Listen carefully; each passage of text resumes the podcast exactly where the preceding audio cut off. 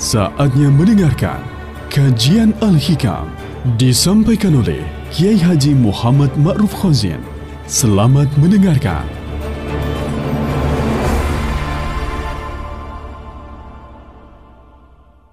Mitra Muslim yang dirahmati oleh Allah, kita melanjutkan kajian kitab hikam kita. Berikutnya, ini masih ada kaitannya dengan awal-awal yang dulu, dan beliau sedikit mengulangi di sini agar kita mengingat kembali menjadi refresh kembali tentang masalah kepatuhan kita kepada Allah dengan sebuah kondisi yang memang Allah takdirkan untuk kita. Kata beliau, "La tadlub minhu ayyukhrijaka min halah liyasta'milaka fima siwah." Janganlah engkau meminta kepada Allah agar engkau dikeluarkan dari satu wilayah, agar engkau dipindahkan dari satu tempat atau suatu keadaan, supaya kamu berpindah ke tempat yang lain selain yang pertama tadi. Maksudnya begini, kita terkadang mendapatkan sebuah rezeki dari Allah yang mudah tanpa terlalu kita cari secara dengan berat, tanpa dengan berkeringat, dengan cara mudah oleh Allah misalnya kita diberi profesi penjual. Kemudian karena kita sudah dimudahkan oleh Allah berada di profesi penjual itu, menjual beli barang misalnya, atau juga sewa menyewa misalnya, ataupun yang lain, lalu ketika Anda melihat, wah ini kurang menguntungkan bagi saya ini, ini saya cuma dapat laba sedikit. Belum lagi kalau musim hujan tidak ada yang beli. Lalu Anda meminta kepada Allah, ya Allah, keluarkan saya dari profesi penjual ini. Pindahkan saya ke keadaan yang lain, ke profesi yang lain maka secara etika, secara etis kita kepada Allah, hal itu kurang baik. Kenapa? Falau aroda lasta'malaka min ghairi ikhraj. Sebab kalau memang Allah berkenan melakukan itu, Allah tidak akan mengeluarkan Anda tetapi justru mendatangkan sesuatu baru yang lainnya. Jadi ini makalah ini memang agak sedikit berat untuk kita cerna, namun akan kita lebih mudah memahaminya tatkala kita memberi contoh-contoh yang memang sering kita alami dan sering kita jumpai. Sebab kita tahu memang sosok seperti Imam Ibnu Athaillah ini beliau adalah seorang ahli sastra juga, beliau seorang ahli bahasa yang luar biasa sehingga makalah ataupun ucapan beliau yang penuh hikmah itu terkadang sulit dicerna kalau kemudian hanya mengandalkan teks-teksnya saja. Jadi begini maksudnya. Seperti tadi yang sudah saya singgung di awal, kalau kemudian di satu sisi, misalnya setelah lulus kuliah atau setelah keluar dari pendidikan, kita tidak terlalu sulit diajak oleh kawan. Ayo, ini ada lowongan karena sangat dibutuhkan, akhirnya kita langsung masuk. Dengan awal biasa, orang yang masuk pertama itu, mohon maaf gajinya ya kecil, ya karena memang masuk pertama.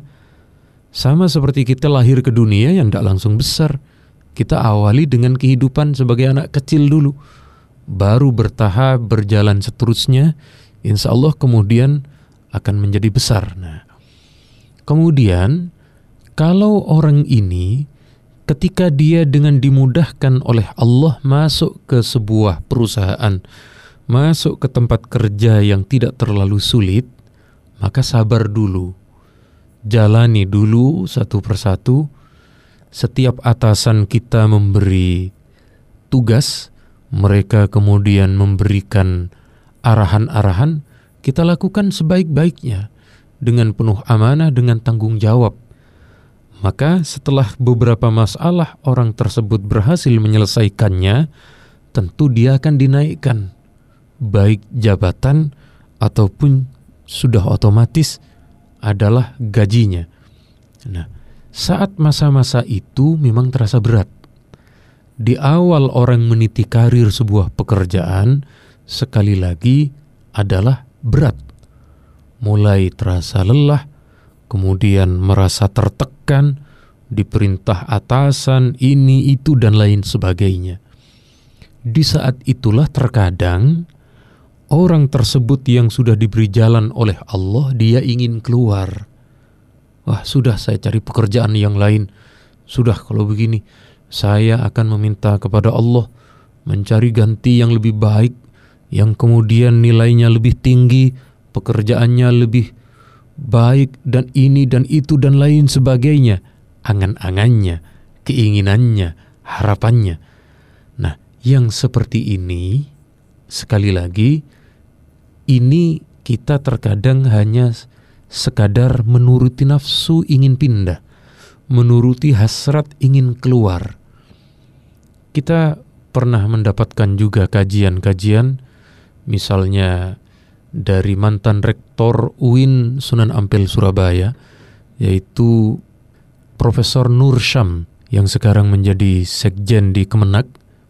Beliau mengatakan ada sebuah penelitian Kata beliau, ketika ada sebuah penelitian, di antara jalan kesuksesan seseorang itu adalah yang pertama, di samping ada skill, di samping ada kemampuan, kemampuan secara secara ijazah dan juga kemampuan yang lain.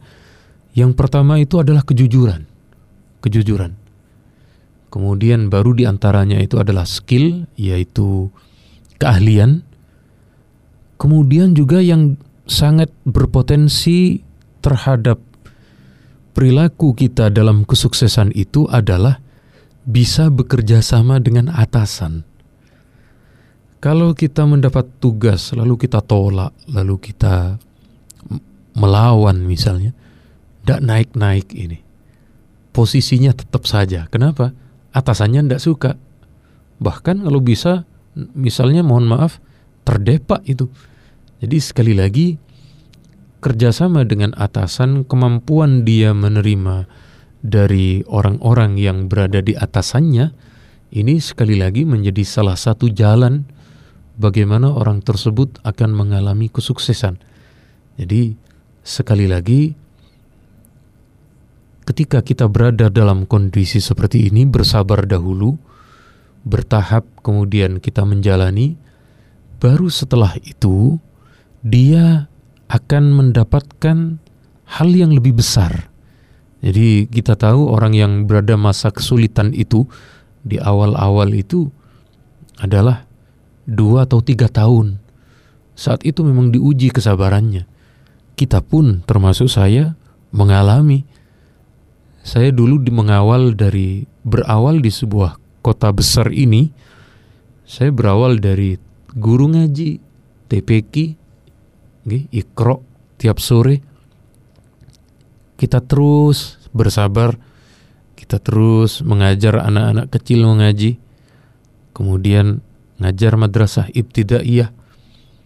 Terus dalam masa-masa sabar ini, dan juga alhamdulillah, ya memang karena kita di pesantren sehingga kita tidak memiliki hasrat untuk kemudian mendapatkan hal-hal yang kemudian di luar jalurnya.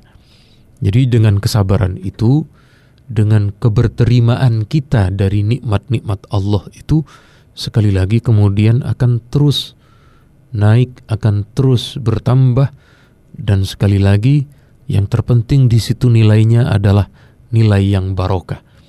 Nah, ketika orang tersebut mampu bersabar, kemudian dia yang lain karena dia sudah mendapatkan banyak, sudah mendapatkan banyak pengalaman, dia tahu, oh ini cara memasarkannya demikian. Oh kalau musim begini enaknya sambil nganggur, keluarga kita di rumah misalnya disediakan jualan apa tanpa keluar dari yang awal. Nah inilah.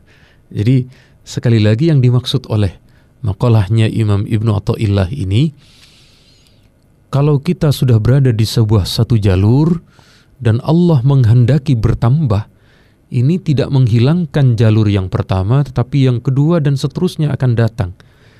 Maka kita tahu, kita tahu ada banyak misalnya seorang dosen yang awalnya cuma mengajar menjadi dosen, setelah ia diberi tugas keluar, ia kemudian diberi tugas menyelesaikan masalah penerbitan buku, akhirnya dia tahu seluk-beluk tentang percetakan.